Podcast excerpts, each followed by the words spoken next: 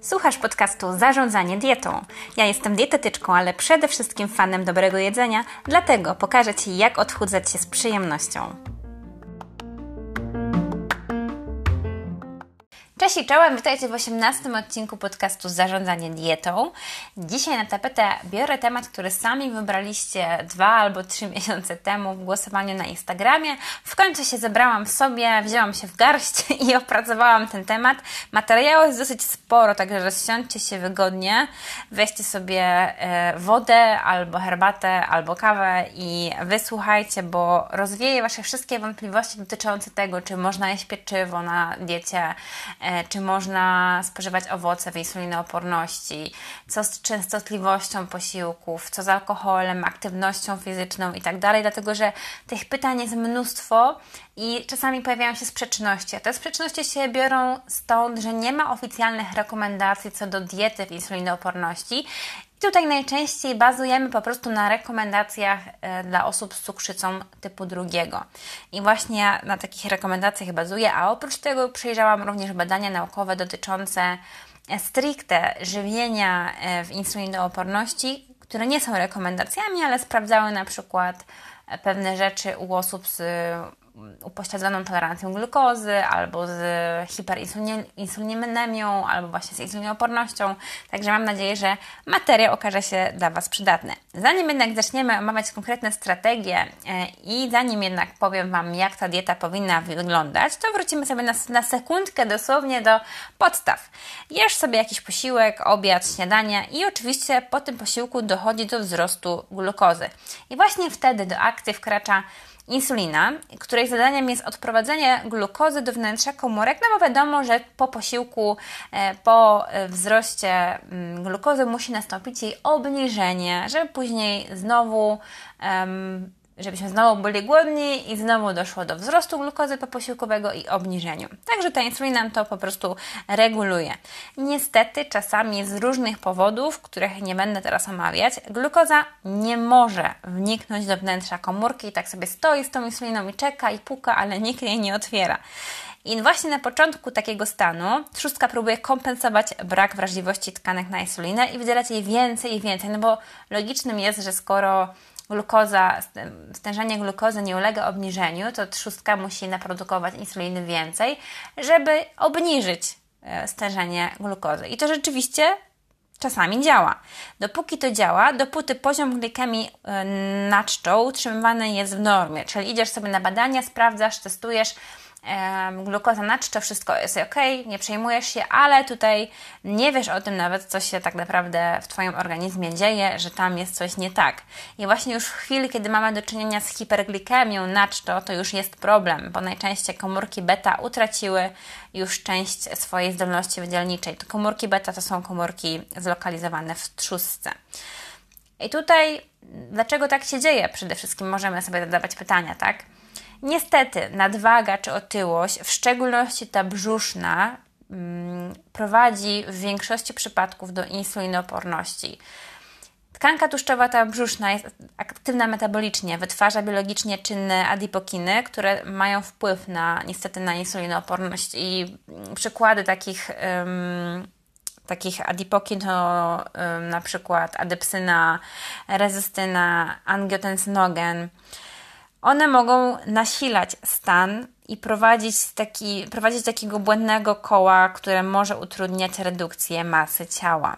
Im, Im dłużej dana osoba jest w tym błędnym kole i im dłużej dana osoba jest otyła, im wyższy ma wskaźnik e, BMI, tym silniejsza będzie insulinooporność. I insulinooporność to nie jest jakby problem tylko tej natury, e, no, że ta glukoza sobie krąży i trudniej ją zbić, tylko bardzo często stanowi podłoże do rozwoju cukrzycy typu drugiego. Bardzo często mm, powoduje senność albo inne mm, reakcje nieprawidłowe, które mogą nam utrudniać funkcjonowanie. Bardzo często towarzyszy stanom czy chorobom, takim jak hiperkortyzolemia Bardzo często towarzyszy chorobom tarczycy, mm, zespół policystycznych jajników, a także występuje y, z wyższym ciśnieniem tętniczym, dyslipidemią, większym stanem zapalnym i zwiększonym ryzykiem miażdżycy. A jeżeli to wszystko nam w pakiecie wystąpi razem, to mamy y, zespół metaboliczny, czyli jeszcze większy problem, z którego jeszcze trudniej wyjść. Pamiętajcie, że w naszym ciele wszystko jest ze sobą powiązane i mając tak banalny wydaje się problem z tym, żeby zbić glukozę, to nam może powodować szereg różnych powikłań i predysponować do rozwoju innych chorób, więc to jest sygnał alarmowy, że coś trzeba w tym żywieniu zmienić. I tutaj muszę zaznaczyć najważniejszą rzecz, że nie ma magicznej tabletki. Znaczy są oczywiście strategie, mm, jakby są leki, y, są tabletki, które można spożywać, natomiast najważniejszą zasadą rekomendowaną przez towarzystwa naukowe i przez y, wszystkich jest modyfikacja stylu życia. Jest to kluczowe i bez tego to już lepiej wyłącz podcast, jeżeli nie jesteś nastawiona czy nastawiona na modyfikację właśnie swojego stylu życia i nawyków żywieniowych, bo to jest kluczowe i daje naprawdę najlepsze, najlepsze efekty. E, przede wszystkim mówię tutaj o diecie, mówię też o aktywności fizycznej, ale nie mówię tutaj o godzinach spędzanych na siłowni, Natomiast mówię tu o codziennym ruchu. I wykazano, że właśnie to jest najbardziej skuteczna strategia, która może pomóc Ci w e, ogarnięciu insulinooporności. I tutaj teraz płynnie przechodzę właśnie do zagadnienia diety w insulinooporności. Oczywiście nie ma jednej optymalnej diety dla wszystkich, bo to zależy od chorób współistniejących, od tych stanów, które mogą towarzyszyć mm, insulinooporności.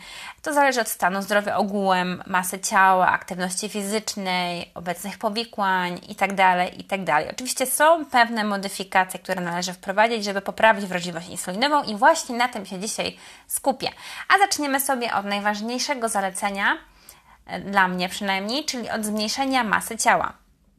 Bo sugeruje się, że taka redukcja masy ciała, która wynosi powiedzmy te 7%, czyli całkiem niewiele, bo jeżeli mamy kogoś, kto waży 100 kg, to 100, 7% ze 100, jeżeli jestem dobra z matmy, wynosi 7 kg, naprawdę to nie jest wiele, to już może zmniejszyć ryzyko cukrzycy o więcej niż 50%. To jest piękny wynik. Naprawdę niewielkim kosztem można osiągnąć tak wspaniałe efekty. I co to dla Ciebie oznacza?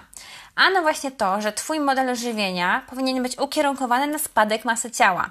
I nie chodzi tutaj oczywiście znowu, y, tak to tutaj ja zawsze powtarzam, o rzucanie się w wir restrykcyjnych postanowień, odmawianie sobie właśnie pieczywa, owoców, narzucanie sobie takiego sztywnego reżimu, którego nie jesteś w stanie utrzymać, bo to znowu doprowadzi do ładnego koła, gdzie powrócisz do swoich starych nawyków i to po prostu nie będzie miało długofalowo sensu.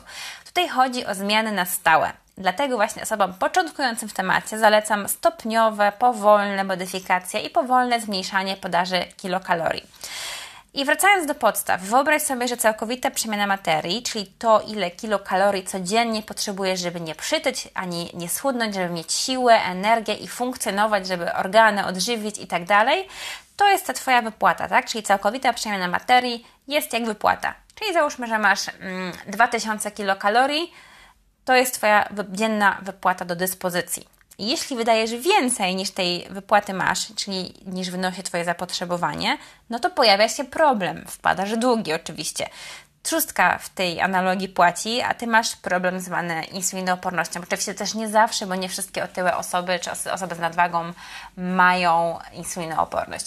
I żeby w końcu wyjść z tego błędnego, błędnego koła i spłacić swoje długi, masz kilka sposobów, żeby ten cel osiągnąć. Przede wszystkim strategia numer jeden, wydawać mniej niż zarabiać. Zarabiasz. Czyli jedz mniej niż wynosi Twoje zapotrzebowanie energetyczne, czyli całkowita przemiana materii. Logiczne? Logiczne, tak? Wydajesz mniej, więc masz pewne oszczędności. E, I polecam tutaj na przykład wejść sobie na moją stronę, tam jest kalkulator odchudzania na samym górze w menu. Tam sobie wpisać swoje dane i on Ci wyliczy, ile kilokalorii powinieneś jeść na diecie redukcyjnej. Oczywiście można to zrobić w innym kalkulatorze albo nawet się pobawić w obliczanie samodzielnie. Są wzory w internecie, na przykład wzór Harrisa Benedicta na podstawową przemianę materii, ale nie zagłębiajmy się w to w tym momencie. Chodzi o to, żebyś wiedział czy wiedziała, ile kilokalorii potrzebujesz i od tego mm, odjął sobie deficyt energetyczny i będziesz mieć ilość kilokalorii, które musisz spożywać, żeby schudnąć, czyli wydawać mniej niż zarabiasz. Oczywiście możesz też y, sobie zainstalować aplikację Fitatu i kontrolować to samodzielnie lub wybrać się do dietetyka, który ułoży i to wszystko wyliczy za Ciebie, ułoży odpowiedni jadłospis. I bardzo ważne jest tylko to, żeby na początku deficyt energetyczny nie był zbyt duży, bo to prosta droga do kłopotów po prostu z utrzymaniem rezultatów, jak sobie narzucasz taki, taką głodówkową dietę. To po prostu nie ma sensu. Druga strategia to wydawać mniej niż wydawałeś wcześniej. To jest strategia dla leniuszków, tak się śmieję zawsze. To chodzi o to, że mając duże rzeczy na głowie, nie zawsze chcecie się bawić w liczenie kalorii. Ja to doskonale i świetnie rozumiem. Więc jeżeli nie chcesz się bawić w takie liczenie kalorii, możesz po prostu wprowadzić regularne posiłki, kontrolować porcje, nie iść do momentu przejedzenia i robić te rzeczy, które będę omawiać za 5 minut, czyli konkretne, konkretne działania dietetyczne, które możesz wprowadzić, żeby pomóc sobie z tą dietą w insulinooporności. E, I tutaj jako przykład powiem, jak jeść mniej niż się jadło wcześniej. E, połowę porcji powinny stanowić warzywa. E, w każdym posiłku powinieneś przemycić źródło białka, które odpowiada za sytość, między innymi. W każdym posiłku powinno być źródło węglowodanów złożonych, trochę dobrej jakości tłuszczu i posiłek gotowy jakby przestrzegając tej prostej zasady kompozycji talerza, którą przed chwilą omówiłam, oraz nie podjadając między posiłkami, ustalając sobie regularne porcje, gwarantuję, że utrata masy ciała nastąpi. Dodatkowo warto oczywiście zadbać też o źródła pokarmowe na talerzu i dokonać sprytnych modyfikacji, żeby sobie zaoszczędzić w ciągu dnia kilokalorie. Przykładem tutaj może być, jeżeli oszczędzasz pieniądze, E, i chcesz jeść na mieście, no to nie idziesz do restauracji pięciogwiazdkowej, tylko idziesz do jakiegoś tańszego baru. I tak samo tutaj, tak? Nie musisz wcale um, jeść wieprzowiny, czy boczku, czy innych kalorycznych produktów, ale możesz ich zastąpić na coś mniej kalorycznego, nie wiem, na przykład zamiana majonezu na jogurt grecki, zamiana wieprzowiny na drób i tak dalej, i tak dalej. Już takie, kilka takich modyfikacji i identyfikacja najbardziej kalorycznych pokarmów w Twoim jadłospisie pozwoli Ci na utratę masy ciała bez większego wysiłku. Strategia numer 3. Zwiększyć swoje zarobki. No bo co robisz, jeśli masz za mało kasy? Szukasz innej pracy, czyli takiej, która da Ci więcej dochodów. Przynajmniej tak mi się wydaje, że to większość ludzi robi, jeśli nie ma kasy, no bo nie, nie idzie chyba kraść, nie? E, I to jest kolejny pomysł na to, jak schudnąć, czyli zwiększyć nasze zarobki, czyli zwiększyć nasz wydatek energetyczny poprzez wprowadzenie aktywności fizycznej. I jeśli wcześniej kompletnie nic nie robiłeś w kierunku aktywności, sportu, to wbrew pozorom na początku jesteś w lepszej sytuacji, bo Twój organizm mm, na każdą aktywność i ruch zareaguje po prostu pięknym spalaniem kilokalorii. Ja to obserwowałam zawsze w gabinecie, jak ktoś się nie, nie ruszał i nagle nawet chodził na spacery, rower, cokolwiek robił, ale robił to systematycznie i konsekwentnie, to efekty e, efekty były. Oczywiście ważne jest też, żeby, żebyś tego nie kompensował um, tych spalonych kalorii batonikiem albo burgerem w maku, bo to po prostu mija się z celem. I z mojego punktu widzenia najlepsza aktywność jest, aktywność e, jest to taka aktywność, którą jesteś w stanie utrzymać do końca życia. I mówię to serio. Nie rzucaj się na jakieś wyzwania e, crossfit w miesiąc albo codziennie ćwiczę z kimś tam, jeżeli nie lubisz ćwiczyć z kimś tam, bo to również będzie zmiana na chwilę, a mówimy tutaj o trwałej zmianie. E, I co ci w sumie po jakimś treningu który ci nie sprawia przyjemności, jeśli życie jest krótkie i trzeba w tym wszystkim znaleźć kompromis. Bo jeżeli czegoś nie lubisz, to po prostu tego nie rób i staraj się znaleźć aktywność, którą lubisz. A jeśli jesteś takim trudnym przypadkiem, który też miałam, który twierdzi, że nie lubi się pocić i w ogóle nienawidzi sportu, no to w tym momencie zacznij po prostu od spacerów szybkim krokiem. Z jakąś fajną muzyczką albo moim podcastem. I ostatnia strategia. Nie wydawać przez określony czas. I to jest kontrowersyjne, co powiem, bo nie ma oficjalnych zaleceń i rekomendacji, ale wydaje się na obecną chwilę, że post przerywany jest jedną ze strategii żywieniowych, która może pomóc w pogłębieniu deficytu energetycznego, czyli pomijanie jakiegoś posiłku, czy jedzenie w oknie żywieniowym, czy na przykład jemy od godziny e, nie wiem, 7 rano do 15, albo jemy w, od godziny 12 do 20. Ale byłabym bardzo ostrożna z tym postem, Bo mówię, to jest temat tak naprawdę nowy. Ja jeszcze tego w gabinecie u siebie nie robiłam. I w sumie e, dajcie znać, czy macie takie doświadczenia w przypadku insulino, insulinooporności. Znalazłam, dlatego o tym wspominam, tak? Bo znalazłam doniesienia, które sugerują, że mm, ten post przerywany ma pozytywny wpływ na przykład na stężenie insuliny i glukozy oraz poprawę wrażliwości insuliny. Ale część osób twierdzi, że oczywiście, że ma to wpływ pozytywny, no bo traci się masę ciała siłą rzeczy, skoro rezygnujesz z jednego posiłku, a czasami nawet z kilku, skoro masz krótkie okno żywieniowe i na przykład jesz tylko w ciągu 6 godzin, no to siłą rzeczy te wszystkie efekty pozytywne będą wynikać z utraty masy ciała. Jak jest, ja się z tym jak najbardziej zgadzam. Tak naprawdę jakąkolwiek strategię żywieniową weźmiesz i będziesz na niej tracić sukcesywnie kilogramy i nie będzie efektu jojo, to będzie tylko benefit i korzyść dla Ciebie, bo insulino, insulina, w sensie wrażliwość na insulinę się po prostu poprawi. Ale Temu przeczy jedno badanie, które znalazłam, które jest bardzo ciekawe, ale też bym podchodziła do niego ostrożnie, gdyż e, było robione na, mm, z udziałem bardzo małej grupy. Nie pamiętam ile tam było, chyba 8, 10 osób czy 12. To jest badanie z 2018 roku. Wzięli mężczyzn w stanie przedcukrzycowym, podzielili na dwie grupy. Jedna jadła przez 6 godzin tylko od momentu wstania, czyli miała okno żywieniowe 6-godzinne, a druga jadła raczej normalnie przez całe 12 godzin. E, I była to dieta normokaloryczna, czyli ona nie była ukierunkowana na utratę masy ciała. I później te grupy wymieniły się sposobem żywienia. I okazało się, że spożywanie posiłków w tym oknie żywieniowym, które trwało 6 godzin, czyli tym krótkim, to było chyba tam od siódmej do którejś, czyli od rana było to okno żywieniowe, poprawiło m.in. wrażliwość insulinową, ciśnienie krwi, czy zmniejszyło apetyt. I co cię me mega ciekawe, masa ciała badanych nie uległa y, zmianie. I to by nam sugerowało, że ten post przerywany przynosi nam jakieś efekty, nie tylko jeżeli jest utrata masy ciała, ale ogólnie korzystnie działa. No w końcu ma to jakiś sens, skoro nasi przodkowie stosowali jakby siłą rzeczy takie posty. Natomiast ja mówię, podchodziła do tego bardzo ostrożnie i jeżeli masz ochoty przetestować taką strategię, myślę, że pod opieką dietetyka, czy, czy konsultując się z lekarzem, czy nie ma przeciwwskazań, spróbowałabym. E, I sama mówię, nie stosowałam nigdy takiej strategii. Ja mam migreny jak nie także no też nie mam insulinooporności, więc to jest um, inny case. jeśli już się decydujesz na taki post, to wydaje mi się, że korzystniej w przypadku insulinooporności jest nie omijać jednak śniadań, bo wykazano, że omijanie śniadań wiąże się z, ze zwiększonym ryzykiem cukrzycy typu drugiego i tego raczej nie chcemy. Dobra, następne na mojej liście jest e, oprócz właśnie zmniejszenia masy ciała, zadbanie o jakość diety. I tu teraz będzie kilka, e, sporo dosyć aspektów, co ja rozumiem przez jakość diety. Zaczniemy sobie też od jakości węglowodanów. I tutaj wszyscy są przerażeni węglowodanami podczas jakby stosując dietę insulinooporności, a według wszelkich zaleceń, norm można jak najbardziej węglowodany jeść i podczas cukrzycy typu drugiego, znaczy mając cukrzycę typu drugiego i mając insulinooporność.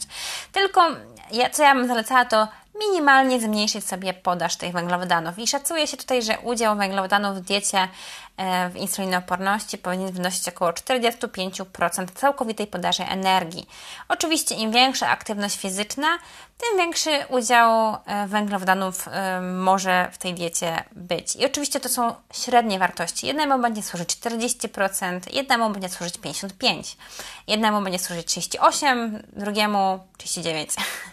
Ja no, oczywiście żartuję, organizm to nie apteka, ale to bardziej chodzi o to, że każdy ma inną wrażliwość insulinową i będzie reagował inaczej na pewne zakresy e, podaży węglowodanów. E, pamiętaj tylko, że minimalna podaż węglowodanów wynosi 130 gramów i eksperci zalecają, żeby e, co najmniej te 130 gramów tutaj sobie dostarczać ze względu na przykład na prawidłową pracę tarczycy. Jeśli nie liczysz kalorii w diecie, to zapewne zastanawiasz się, po co ta informacja, że to ma być, nie wiem, 45% całkowitej podaży energii. Tylko po to, żebyś sobie uświadomił, że te węglowodany mogą stanowić praktycznie prawie połowę tego, co jesz, e, tej energii, którą sobie dostarczasz. I po to, żebyś nie wpadł na pomysł, nie wiem, eliminowania węglowodanów, bo na którymś forum napisali, że to pomogło Krysi, a Krysia to przecież nie jesteś ty jeżeli czujesz się w miarę dobrze po tych dobrej jakości węglowodanach, to nie widzę tutaj wskazań do eliminacji węglowodanów. I oczywiście całkowita podaż węglowodanów będzie zależeć, e, tak jak mówiłam, od wielu czynników i najważniejszy w sumie ważniejsze chyba dla mnie niż podaż tych węglowodanów, czy to będzie 38% czy 45%, jest to, jakie ty źródło węglowodanów wybierasz. I w kontekście insulinoporności jest to ekstremalnie ważne, dlatego właśnie zaczynam od węglowodanów, a nie na przykład, nie wiem, od białka. I głównie tutaj powinniśmy zadbać o dobre źródło, którym są węglowodany złożone o niskim i średnim indeksie glikemicznym.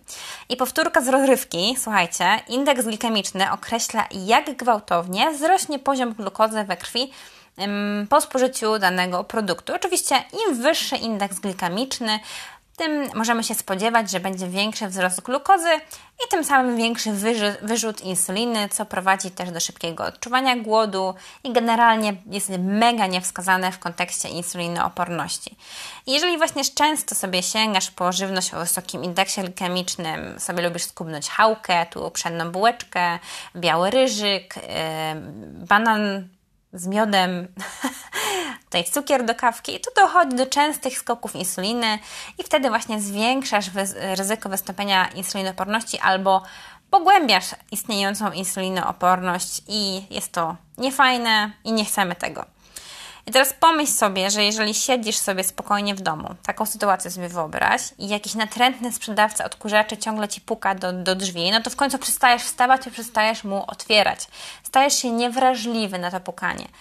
E, I insulina to jest taki sprzedawca odkurzaczy. No może to jest y, kiepska metafora, ale popracuję nad moimi metaforami, obiecuję.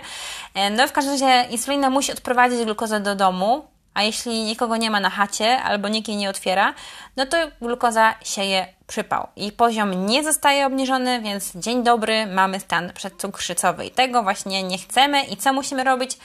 Musisz z kolei spożywać produkty o niższym indeksie glikemicznym, bo to się wiąże z mniej gwałtownym wzrostem glukozy, przez co nie y, odczujesz szybko głodu. I jest ten wyrzut insuliny oczywiście też mniejszy.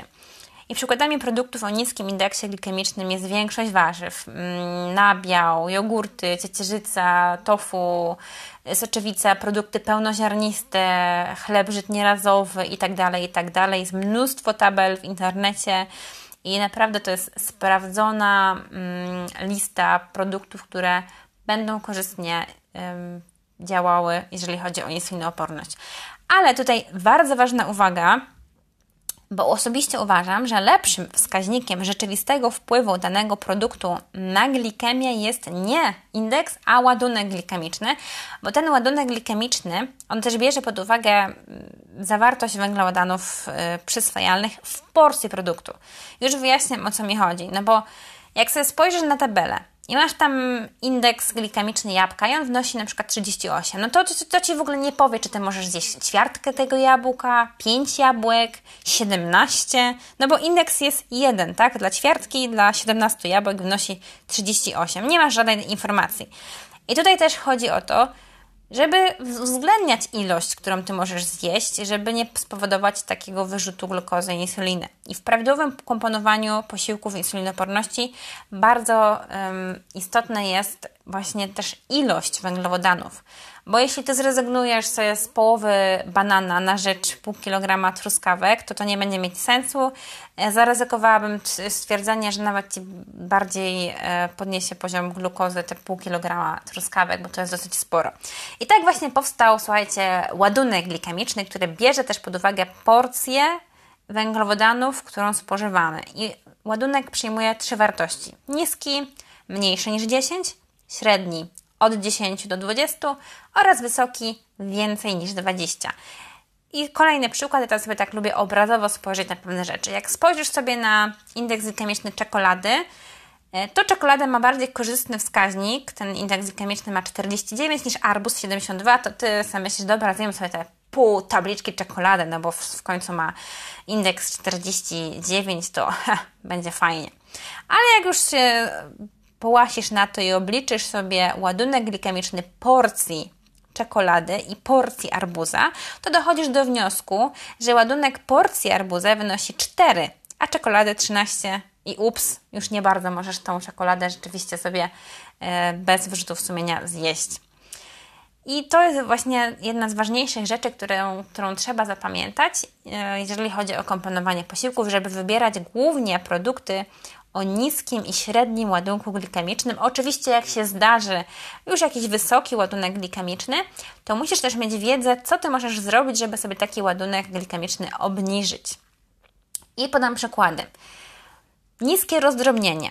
E, jeżeli przygotowujesz posiłki, to staraj się ich nie miksować, bo na przykład smoothie i zupy krem będą miały wyższy indeks glikemiczny niż produkt w całości, tak? Weźmiesz sobie jabłko, zatrzesz je na tarce, to zwiększasz sobie indeks glikemiczny.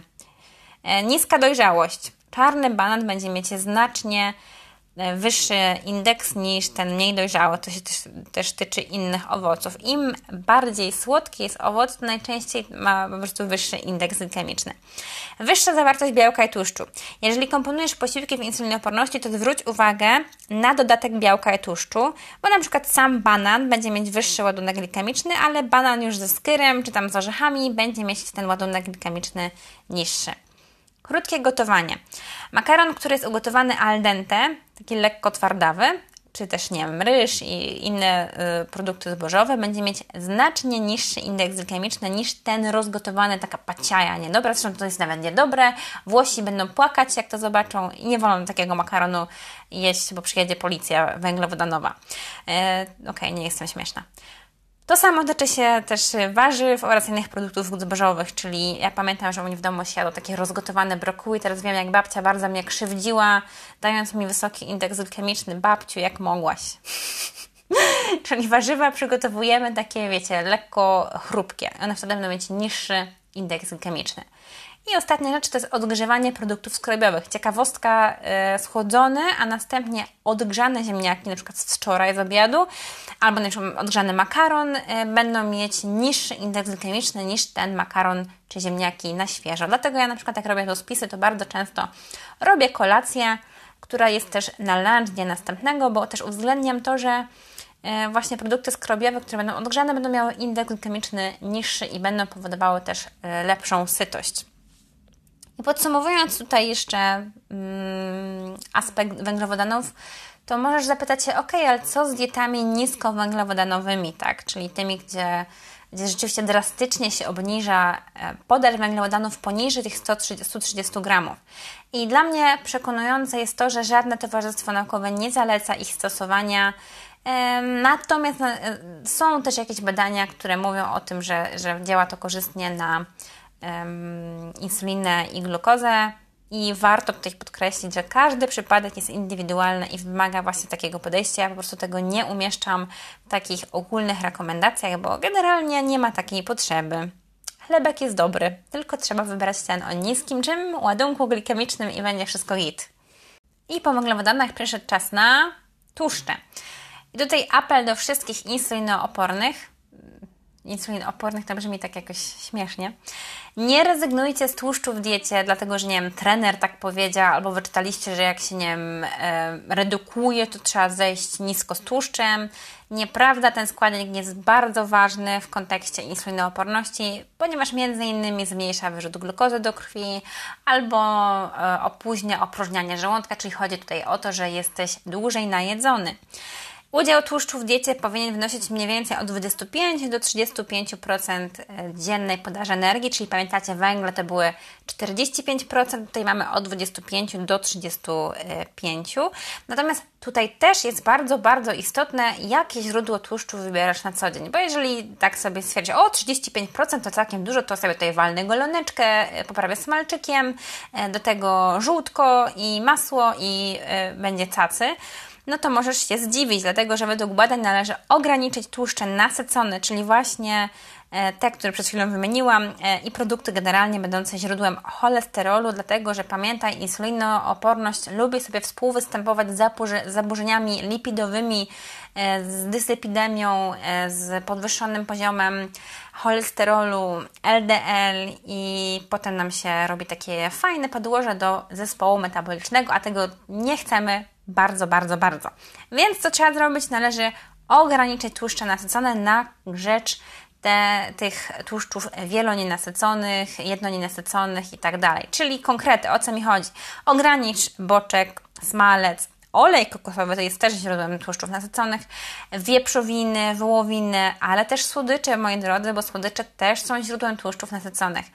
A w to miejsce wprowadź do jadłospisu na przykład oliw z oliwek, nasiona, orzechy, olej rzepakowy tłoczony na zimno, awokado, tłuste ryby morskie i tak dalej. Oczywiście ja też nie mówię, że, że cierpiąc na insulinooporność nie możesz już nigdy w życiu zjeść sobie wiem, carbonary z boczkiem. Możesz tylko na przykład zamienić sobie ten makaron pszenny na pełnoziarnisty.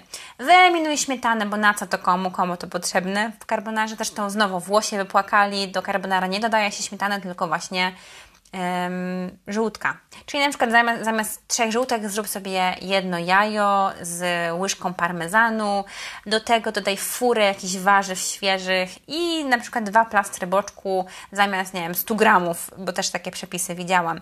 I w tym momencie raz na jakiś czas, nie mówię, żeby to oczywiście jeść codziennie, jak najbardziej taki posiłek, jeżeli potrzebujesz, zjedz bez konieczności jakichś drastycznych restrykcji. Tylko mówię, żeby na co dzień starać się, żeby ta nasza dieta jak najbardziej przypominała model śródziemnomorski, czyli właśnie e, jak najwięcej warzyw, owoców, oliwy z oliwek, mm, orzechów, e, tych e, tłustych ryb morskich, i tak dalej. I koniecznie staraj się wyeliminować, już nawet nie ograniczać, ale wyeliminować produkty, które są źródłem tłuszczów trans, bo one nam zwiększają mocno ryzyko chorób serca i mają niestety działanie prozapalne i takie tłuszcze niefajne znajdziecie w wyrobach cukierniczych, drożdżóweczkach, yy, jakichś ponczusiach, też nie we wszystkich yy, oczywiście piekarniach, niektóre piekarnie używają po prostu masła albo yy, używają lepszych jakościowo produktów. unikaj fast foodów, chipsów, ciasteczek, gotowych dań, mm, i to powinno być albo wyeliminowane, albo zastąpione jak najmniej przetworzonymi i ostatnim makroskładnikiem, który omawiam, jest białko. I udział białka w diecie może wynosić między 15 do nawet 30% dziennej podaży kilokalorii, ale te 30% to jest naprawdę już naprawdę, naprawdę sporo i to bym tylko rekomendowała osobom, które jednocześnie trenują siłowo i są na um, diecie redukcyjnej, takiej dosyć sporej, bo w większości przypadków te 15, 20, 22% będzie w zupełności w porządku. I oczywiście ta podaż białka to jest podaż dla osób, um, które mają insulinooporność, ale na przykład nie wiem, nie mają innych przeciwwskazań do ograniczania białka, jak na przykład choroba nerek. Najważniejsze, co musisz zapamiętać, to to, żeby w każdym posiłku było źródło białka. Mniej więcej od 10 do 20 5 gramów białka, w zależności też od posiłku, od Twojego indywidualnego zapotrzebowania. Czyli konkretnie jakie te produkty powinieneś czy powinnaś włączyć. Zalecane są takie produkty jak ryby, drób, owoce morza, ciecierzyca, soczewica, tofu i chudy nabiał. Też zapamiętaj, że, że oczywiście warto, żeby w każdym posiłku było to białko, ale nie ma co z białkiem przesadzać, gdyż udowodniono, że posiłek wysokobiałkowy może stymulować wydzielanie insuliny bardziej niż posiłek wysokowęglowodanowy. Ząg, prawda? Tego się nikt nie spodziewał.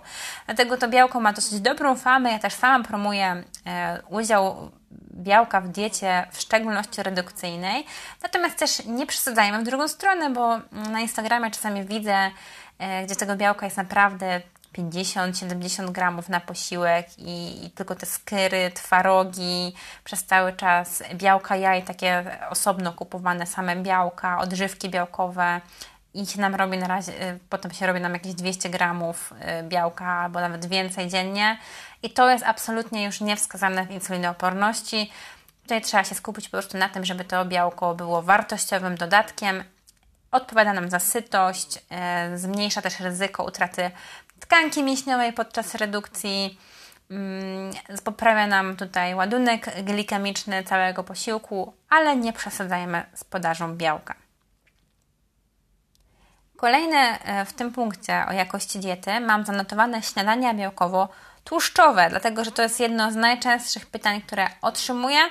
I powiem zupełnie od razu się przyznam, zdarza mi się rozpisywać śniadania białkowo-tłuszczowe z bardzo dobrym efektem właśnie w przypadku insulinooporności, ale także w przypadku na przykład e, hiperinsulinemii albo w przypadku sytuacji, gdzie ktoś odczuwa rano dużą senność i takie zamglenie. E, to mi się zdarzało rozpisywać. Nie ma za dużo badań na ten temat, które potwierdzałyby e, takie stosowanie, ale wynika to też z, po prostu z mojej praktyki. I tak jak mówiłam, nie ma zaleceń co do śniadań w insulinooporności. Nikt Ci nie powie, że na przykład to białkowo-tłuszczowe śniadania zadziałają, a po węglach, nawet tych złożonych, będziesz mieć rano zjazd energetyczny. Nie ma takich zaleceń, dlatego że wynika to po prostu z indywidualnych różnic w odpowiedzi glikemicznej. Każdy z nas inaczej zareaguje na poranną owsiankę, każdy z nas inaczej zareaguje na omlet y, i tak dalej. Y, niestety właśnie, tak jak już mówiłam, że w mojej praktyce często spotykałam się z sytuacją, że klasyczna owsianka źle działała. I oczywiście pomijając to, że była źle skomponowana, bo to były, były płatki owsiane z bananem i rodzynkami na przykład, czyli same węglowodany.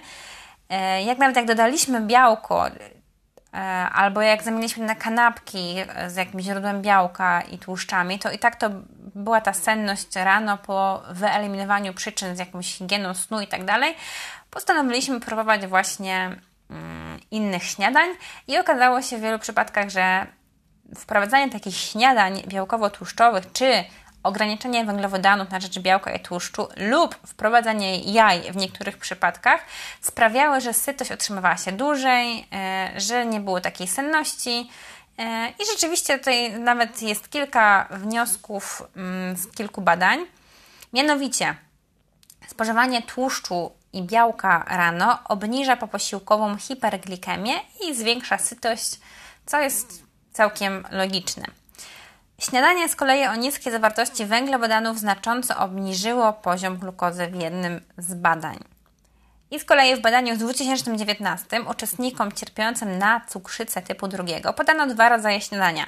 Jedni jedli owsiankę z jogurtem i owocami yy, i ten, z tego co pamiętam, to był taki standardowy rozkład makroskładników, chyba 15% białka, 55 yy, chyba węglowodanów i reszta tłuszcze, jakoś tak. Yy, a druga grupa dostała omlet z serem i śmietaną i tutaj była bardzo, bardzo niska zawartość węglowodanów, głównie tłuszcze i trochę białka. E, chyba nawet tyle samo białka miały oba zestawy. E, I oba zestawy też dostarczały podobnej wartości energetycznej.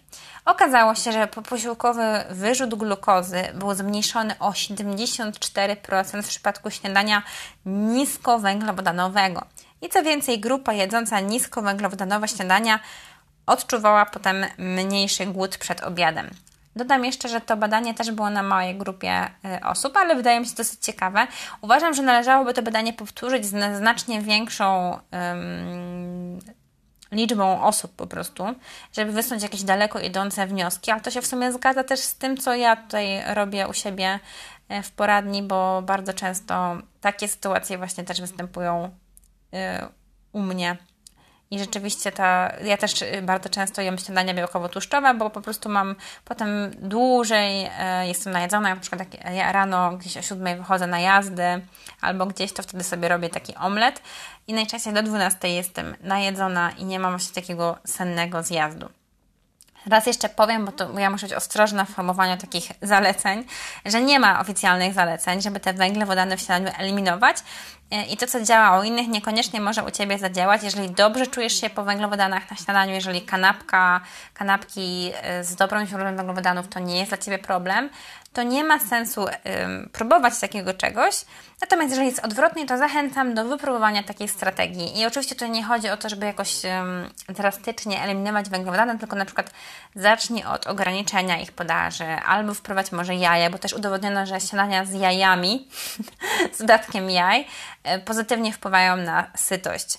E, I na pewno to, co nie będzie dobrym pomysłem, to jest spożywanie śniadania o wysokim ładunku glikemicznym, jak przykładowo, nie wiem, chałka z dżemem, owsianka z bananem, e, sok, nie daj Boże, dietetyczny, Boże, smoothie owocowy, nie wiem, kasza manna z bananem, to są, to są przykłady śniadań, które są źle skomponowane. Należy wybrać jeszcze raz śniadania o niskim lub średnim ładunku glikemicznym, skomponowane z dobrej jakości węglowodanów, jeżeli już wybieramy węglowodany, z dodatkiem białka i tłuszczu i powinno być wszystko ok.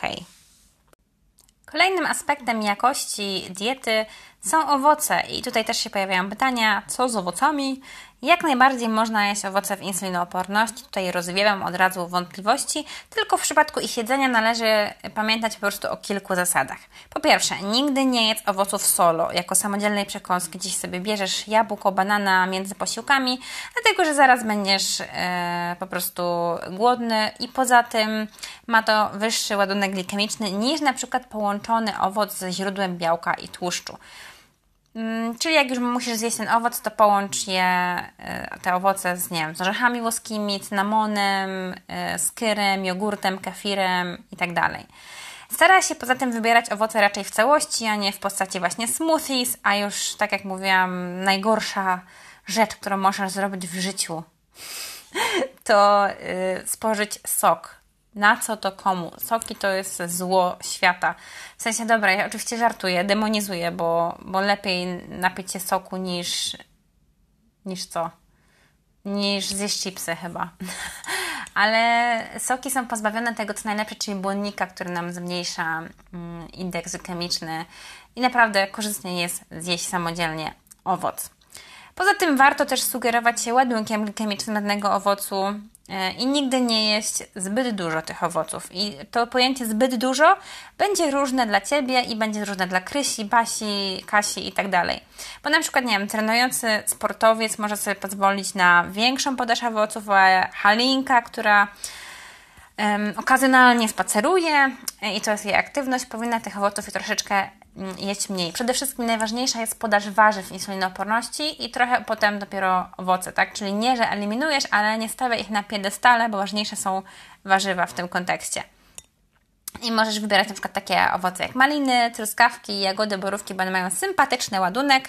Mm, I ostatnia uwaga, żebyś starał się jeść te raczej mniej dojrzałe i koniecznie e, unikaj owoców suszonych, bo te nie będą mieć takich wartości jak te owoce świeże i będą mieć wyższy indeks i ładunek glikemiczny, no bo są słodsze. A jeśli już mówimy o słodkich rzeczach, to kolejnym aspektem e, są słodycze. I tutaj się pojawia takie smutne pytanie, czy do końca życia już będę musiała i czy musiał zrezygnować ze słodyczy, mając insulinooporność. I na Twoje szczęście istnieją słodycze i przekąski, które nie mają jakiegoś wysokiego indeksu glikemicznego, zatem okazjonalnie nie widzę problemu, żeby je włączyć do diety, oczywiście też pamiętając o kilku zasadach, czyli nie e, między posiłkami e, przegryzasz michaszki, albo nie między posiłkami sobie dziabniesz e, loda albo jakiś batonik, bo to zaszkodzi bardziej niż pomoże. I oczywiście idealną sytuacją jest taka sytuacja, gdzie całkowicie rezygnujesz z cukru, z wszelkich słodkości i innych śliczności, ale jestem też człowiekiem i też mam słabości, tak, przyznaję się do tego.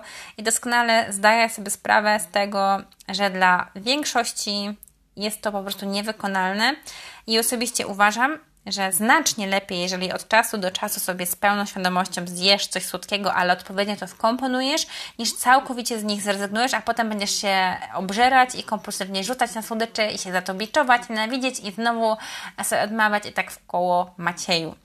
I temu tematowi właśnie, bo to jest mój konik, y, poświęciłam cały e-book, znaczy cały, on nie jest jakiś długi, ale jest fajny, którego premiera nastąpi wkrótce i zapraszam Cię do zapisu na moim blogu. E, takie okienko wyskoczy, jak wejdziesz na bloga i tam będzie właśnie zapis na premierę tego e-booka. E, jeszcze nie wiem, czy ja to będę sprzedawać, czy dawać za darmo. Muszę się skonsultować e, z gremium. E, wracając do tematu, przykładami takich słodyczy, które mają całkiem przyzwoity indeks glikemiczny, są na przykład gorzka czekolada, yy, nie wiem, yy, budyń na jakimś chudym mleku z erytrytolem i owocami jagodowymi, yy, porcja lodów śmietankowych z owocami i orzechami, wbrew pozorom ma całkiem przyzwoity e, indeks czy ładunek glikemiczny. Czy widzicie, tu tutaj są, nie są jakieś takie sklepowe słodycze, beznadziejne batoniki naładowane syropem glukozowo-fruktozowym, tylko takie raczej mało przetworzone rzeczy i tym się właśnie powinniście sugerować w wyborze słodyczy. I oczywiście te wszystkie batoniki bez cukru na bazie daktyli, one brzmią tak sexy, natomiast prawda jest taka, że daktyle mają strasznie wysoki indeks glikemiczny i też się świetnie zawali, jak sobie y, wkomponujesz taką słodycz. Oczywiście pamiętając o źródle białka i tłuszczu i o tym, żeby to było raczej y, około posiłkowe, a nie jako osobny posiłek, to też się świetnie zawali, jak zjesz taki batonik. Natomiast lepiej już wtedy sięgnąć po gorzką czekoladę z orzechami i na przykład zjeść do tego e, troszeczkę skyra albo jogurtu naturalnego z owocami, albo po prostu zjeść przed posiłkiem głównym taki posiłek słodki, żeby też mieć coś, coś z życia, a jednocześnie osiągnąć kompromis między potrzebami żywieniowymi w insulinooporności. Raz jeszcze powtórzę, słodycze raczej nie codziennie w przypadku insulinooporności, ale jak już je wybierasz, to nie biczuj się za to, tylko staraj się brać małą porcję, zwrócić uwagę na ładunek czy indeks glikemiczny i wkomponować to odpowiednio w jadłospis. Znowu, jak jesteśmy przy słodyczach, to jeszcze jedna rzecz na ten temat. Króciutka, e, ale też się pojawiają takie pytania dotyczące słodzików. Czy można słodziki w insulinooporności?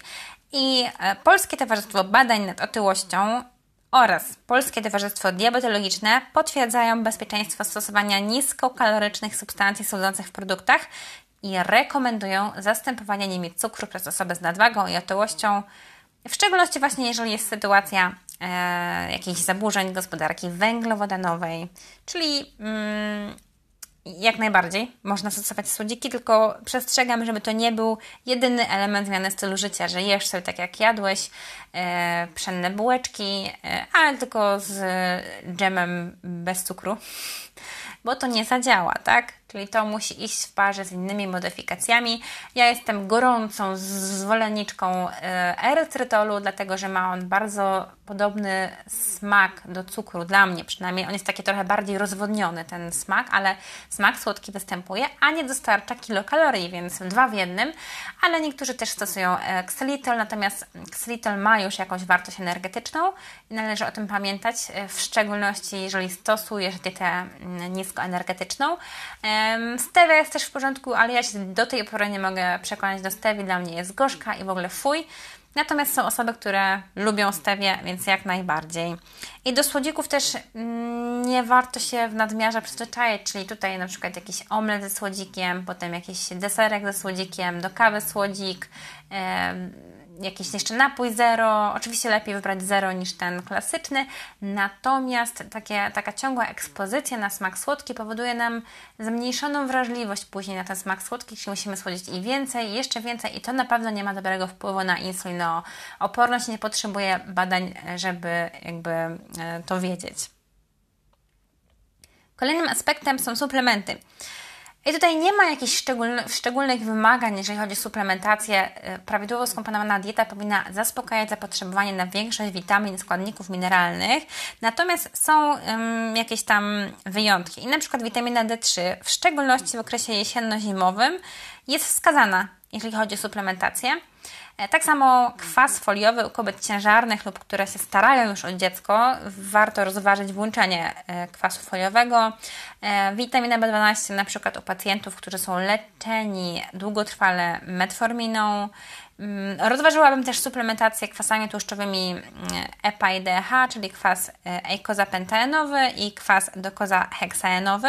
Jeżeli nie jadasz tłustych ryb, jeżeli jadasz raz w tygodniu czy dwa razy w tygodniu tłuste ryby, dodatkowo dbasz o podaż kwasów omega-3 ze źródeł takich jak siemielniane, orzechy włoskie czy e, olej rzepakowy, to nie powinno być tutaj problemu. E, natomiast powtórzę, że każdy przypadek suplementacji powinien być mm, uzgodniony i ustalony indywidualnie, bo wymagania są różne w zakresie suplementacji. Często też pewne jednostki chorobowe wymagają na nas zwiększonego, zwiększonej podaży pewnych mikroskładników, pewnych składników mineralnych, przepraszam, i e, witamin i należy to po prostu uwzględnić. Pewne stany też wymagają zwiększonego zapotrzebowania. To jest ekstremalnie ważne, żeby sobie z tego zdawać sprawę i raczej na własną rękę czegoś sobie tam nie zapisywać, tylko skonsultować się z lekarzem e, i lub dietetykiem w tej materii. Przedostatni aspekt, który chciałabym omówić w kontekście właśnie jakości diety, to są stosowane przyprawy y, czy sól. I muszę od razu powiedzieć, że nawet przyprawy są wskazane, jeżeli chodzi o insulinooporność, w szczególności takie przyprawy jak cynamon, kurkuma, czosnek i imbir, bo mogą nawet one nam poprawiać wrażliwość insulinową. Natomiast przyprawy czy mieszanki, które mają sól, raczej powinniśmy już ograniczać. Jeśli w ogóle chodzi o sól, to jej ilość y, nie powinna przekraczać łyżeczki dziennie, włączając w to inne produkty, które są jej źródłem, a naprawdę bardzo łatwo jest przekroczyć e, taką łyżeczkę dziennie, wbrew pozorom, bo bardzo dużo produktów spożywczych zawiera e, sód, zawiera e, sól i jest to problematyczne i całkiem łatwe do przekroczenia. Jeżeli jeszcze oprócz tego, że masz insulinooporność, chorujesz na nadciśnienie, to warto jeszcze bardziej zmniejszyć podaż soli, a najlepiej zrezygnować w ogóle z dosalania potraw i dosyć szybko się organizm tutaj odzwyczaja od soli, bo mm, zajmuje to dosłownie nie wiem, tydzień, dwa i, i na przykład ja też kiedyś soliłam pomidory, ogórki, pamiętam, a później się trochę naczytałam i nagle odstawiłam sól i po, nie wiem, 3-4 dniach już mi te warzywa smakowały bez soli, więc takie małe modyfikacje jak najbardziej. Naprawdę tu sporo y, robią zioła jak gotuję coś, dodaję dużo przypraw, które nie mają soli. Dodaję kurkumę, kumin, e, czosnek, e, paprykę słodką, trochę limonki, czyli podbijam e, smak na kwaśny. To na serio nie potrzebuję już soli w sosie, tylko ewentualnie trochę do ryżu, ale to nie są duże ilości. I ostatni aspekt to jest alkohol. I tu króciutko będzie, alkohol nie jest niczego potrzebny, więc nie pij, kropka. Dobra, wszyscy wiemy, że nie jest potrzebny, ale prawda jest taka, że czasami wielu osobom zdarza się mimo jednostek chorobowych sięgać po alkohol, więc jeżeli już sięgasz, to chociaż wiedz, który będzie dla Ciebie najlepszy. I tutaj jestem um, od wielu lat zwolenniczką um, wina czerwonego, wytrawnego, dlatego że dostarcza nam przeciwutleniaczy i nie jest tak słodkie, jak na przykład, nie wiem, półsłodkie, czy wino, czy słodkie, czy jakieś likiery. Unikaj właśnie takich rzeczy jak likiery, e, słodkie drinki, słodzone, mm, słodkie słodzone drinki, tak. E, piwa raczej też I oczywiście alkohol możemy wybierać okazjonalnie w małych porcjach, jak na przykład kieliszek czerwonego e, wytrawnego wina, pod warunkiem, że nie przyjmujesz leków takich jak na przykład metformina, bo wtedy niestety musisz się pogodzić z tym, że alkoholu po prostu nie możesz. I jeżeli chodzi tutaj o kolejny filar e, diety i zaleceń dotyczących insulinooporności, to jest to jedzenie regularne. I nie ma tutaj zaleceń, które nam mówią o tym, jak jaka powinna być ilość posiłków w przypadku insulinooporności, bo to wszystko będzie zależało znowu od Twojego stanu zdrowia, reakcji na posiłki, preferencji tego, czy wolisz właśnie mało i często, czy więcej, ale rzadziej. E, ja e, niezmiennie jestem zwolennikiem 4 do 5 posiłków w przypadku insulinooporności jak najbardziej. Natomiast wiem, że są osoby, które są e, poddenerwowane tym, że mają 5 mniejszych posiłków i wolą mieć na przykład 4 troszeczkę większe. Raczej właśnie nie schodziłabym niżej niż te cztery posiłki, ale wiem, że są osoby, które funkcjonują nawet na trzech posiłkach i jeżeli to działa i jeżeli nie dochodzi do przejedzenia, co jest też ekstremalnie ważne w przypadku insulinoporności, no to, to ok. E, ustal sobie przede wszystkim stałe pory spożywania posiłków. Nasz organizm lubi e, taką rytmiczność, e, takie taką okresowość, cykle, o tego słowa szukałam, lubi cykle. E, I rzeczywiście potem zauważysz, że będzie 11.55, co o 12 powinieneś mieć posiłek i robisz się powoli głodny. I nasz organizm preferuje taką właśnie cykliczność i trzyma się tych ustalonych um, pór spożywania posiłków. Jedz te posiłki w spokoju, bez rozpraszaczy, bez telewizora, Netflixa, muzyczki, po prostu jesteś ty, posiłek. Naprawdę 10 minut to nie jest e, dużo um, czasu E, na posiłek, e, a trochę odpoczniesz od tych wszystkich rozpraszaczy, które też powodują i czasami generują e, to, że jemy więcej. Jeśli masz możliwość w ogóle, to najlepiej byłoby jeść na świeżym powietrzu, mając dostęp do światła słonecznego, dziennego i jest to korzystne pod względem właśnie hormonalnym. Pamiętaj właśnie, tak jak mówiłam, to będę powtarzać w każdym moim podcaście, aż po prostu będziecie mieli dosyć i będziecie pisać ze mnie zażalenia, że macie tego dosyć tematu, ale nigdy, przenigdy się nie przyjadaj. To jest jedna ze złotych zasad dietoterapii w każdej jednostce chorobowej i jedna z zasad prawidłowego żywienia. Nie możesz się przyjadać, bo to generuje po prostu tylko problemy, czyli jedz do momentu takiego najedzenia się, satysfakcji oczywiście z posiłku, ale nie do momentu e, rozepchania ścian żołądka i takiego niefajnego mm, uczucia. I nie podjadaj między posiłkami. Skoro już sobie wyznaczyłeś te 5 posiłków, czy te 4 posiłki, no to musi być taka ilość posiłków, która sprawi, że ty będziesz się tego trzymać i nie będziesz czuć potrzeby podżerania między posiłkami. No bo jeśli czujesz, to być może należy albo zwiększyć objętość tych posiłków, czyli żeby mieć trochę więcej jedzenia, na przykład więcej warzyw, e, albo może zwiększyć ilość posiłków. E, to będzie tutaj zależeć od Ciebie i, i czasami paradoksalnie, jeżeli ktoś ciągle łazi i podjada, to e, pierwszą moją reakcją jest zmniejszenie ilości tych posiłków na cztery, na przykład bardzo duże objętościowo, ale nie takie, co, oczywiście, co będą powodować przejedzenie się, tylko na taką satysfakcję, zwiększenie podaży białka, odrobinę trochę tłuszczu więcej i zazwyczaj taka kompozycja już sprawia, że nie czujesz takiej potrzeby ciągłego podjadania. Jeżeli chodzi tutaj o inne mm, modyfikacje, to kolejnym filarem jest sport i aktywność fizyczna ekstremalnie istotna. Nie można bez tego, nie da się bez tego i już mówię tutaj, co ja rozumiem przez wysiłek fizyczny, bo to nie jest tak, jak mówiłam, crossfit, gdzie pójdziesz, zrobisz się zdjęcie na Insta, a za trzy tygodnie nie wykrzesasz już sobie e, entuzjazmu i nie będziecie chciał iść na crossfit, bo nie lubisz crossfitu. Ale pamiętaj, że wysiłek fizyczny jest konieczny, bo poprawia wrażliwość insulinową, a my wszyscy mamy siedzący tryb życia, który nie jest korzystny dla naszych hormonów i e, dla naszej gospodarki hormonalnej, dla naszego organizmu, e, dla naszego układu kostnego i dla wszystkich układów ever. E, wybierz taki sport, który jesteś w stanie. Mm, uprawiać regularnie, najlepiej w ogóle codziennie. E, może to być e, różny sport, czyli dzisiaj jeździsz rowerem, jutro spacerek, pojutrze bieganie, e, w czwarteczek pływanie, co, cokolwiek lubisz, jakikolwiek system będzie u Ciebie się sprawdzać. Wiem, że moje koleżanki na przykład jeżdżą rowerem do pracy e, i mają już jakby ten wysiłek fizyczny odbębniony. E, wiem też, że mm, są osoby, które muszą mieć jakiś tam schemat, poniedziałek, środa, piątek, siłownia i to im odpowiada. Mm, oczywiście powiem z punktu widzenia mojego, najlepsze efekty daje połączenie treningu siłowego z aerobowym e, lub trening interwałowy, czyli na przykład nie wiem, w poniedziałki e, i czwartki to jest trening siłowy, a na przykład w środy i niedzielę to jest jakieś takie, nie wiem, bieganie, rowery, a w resztę dni po prostu spacerowanie. Ale jeżeli ym, jesteś naprawdę taką trudną osobą pod tym względem, że żaden wysiłek fizyczny Cię nie przekonuje, to masz moje błogosławieństwo, spacery będą wystarczające do tego, żeby poprawić wrażliwość insulinową. Nawet widziałam badanie, że spacery poprawiają taką wrażliwość insulinową, tylko to muszą być spacery w szybkim e, tempie, e, a nie takim, wiesz, ślimaczym. E, I pamiętaj jeszcze jedna rzecz tutaj ważna, że z kolei bardzo intensywne ćwiczenia fizyczne, gdzie się forsujesz przez dłuższy okres czasu e, i one są naprawdę wyczerpujące, mogą nawet nie być wskazane, bo mogą, nie muszą prowadzić do przejściowego zaburzenia działania insuliny. To wszystko będzie zależało oczywiście, czym dla Ciebie są bardzo, bardzo intensywne ćwiczenia fizyczne. E, I ostatni filar e, to są właściwe nawyki. Tutaj jakby wszystko wrzuciłam do worka, czego nie mogłam sklasyfikować wcześniej, czyli dobry sen.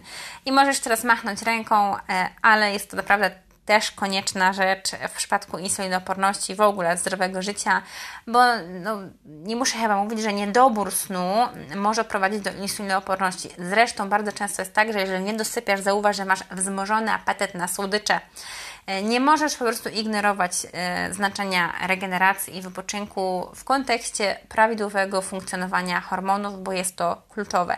Nie tylko prawidłowy sen, ale też regeneracja, czyli wbrew pozorom forsowanie się 6 razy w tygodniu ciężkimi treningami może przynieść więcej szkody niż pożytku. Regeneracja, w, aktywna regeneracja, czyli wtedy e, spacery właśnie albo nordic walking, albo jazda na rowerze, coś co nie obciąża za bardzo, ale mm, powoduje taką regenerację i jest konieczne. E, chyba nie muszę mówić, że należy zaprzestać palenia tytoniu, ale wspomnę, bo jestem upierdliwa. E, I oczywiście nie stresuj się. I to brzmi, e, wiem, że to brzmi, no, to jest coś trudnego po prostu do zrealizowania, ale pamiętaj, że nadmiar kortyzolu może sprzyjać gromadzeniu się tkanki tkanki tłuszczowej właśnie w tych niefajnych miejscach, czyli dookoła talii. I najlepiej tutaj zadbaj, jeżeli, no, jakby tak powiedzieć, ciężko jest człowiekowi, nie stresuj się, to się zaczyna stresować, więc może podejść do tego z drugiej strony, czyli rozładuj ten stres, który będzie jakoś tak siłą rzeczy w każdym z nas narastać, czyli zadbaj o aktywny wypoczynek, e, właśnie najlepiej na łonie natury, nie wiem, medytuj, e, prowadź dzienniczej, nie wiem, idź na kajaki, rozwijaj swoje hobby, rób coś, co po prostu Cię uspokaja e, i koi Twoje nerwy. Każdy z nas ma inne mm, mechanizmy i inaczej rozładowuje ten stres, ale jestem pewna, że masz już jakąś taką rzecz na myśli, która pomaga Ci w odstresowaniu się i mam nadzieję, że jest to rzecz legalna i nieszkodliwa dla Twojego zdrowia, bo bez sensu rozładować stres czymś, co jest szkodliwe też dla zdrowia. I jak widzisz, podsumowując, to wszystko opiera się o żywność, która jest jak najmniej przetworzona, z wysokim udziałem warzyw, owoców, o produktów pełnoziarnistych, o źródła białka. E, to wszystko sprowadza się do modyfikacji, które jesteś w stanie utrzymać przez całe życie. Sprowadza się to do ruszania się troszeczkę więcej na co dzień i stopniowych zmian, które będziesz mógł kontynuować. I tak właśnie wygląda, moi drodzy, dieta w insulinooporności. Jestem bardzo, bardzo ciekawa, jak Wam się podobał odcinek. E, I od niedawna, albo od dawna, już nie pamiętam od kiedy, chyba jakiegoś miesiąca, mój podcast jest na Apple Podcasts. E, także będę bardzo wdzięczna za ocenę mojego podcastu. Na razie mam tylko dwie oceny, więc będzie mi bardzo miło, jak ocenicie mój podcast. To też zwiększy wyszukiwalność y, mojego podcastu i spra sprawi, że uśmiechnę się tak z tego powodu. Także bardzo będę wdzięczna za jakieś oceny. Dziękuję bardzo za wysłuchanie tego odcinka. Zbieram teraz tematy do następnego, także zapraszam na swoje social media. Już nie będę się powtarzać, jakie to są social media, można sobie znaleźć w opisie odcinka. I jeśli chcesz skomentować e, ten podcast, to zapraszam Cię również na swojego bloga pod ten artykuł. Chętnie dowiem się, co myślisz i do następnego.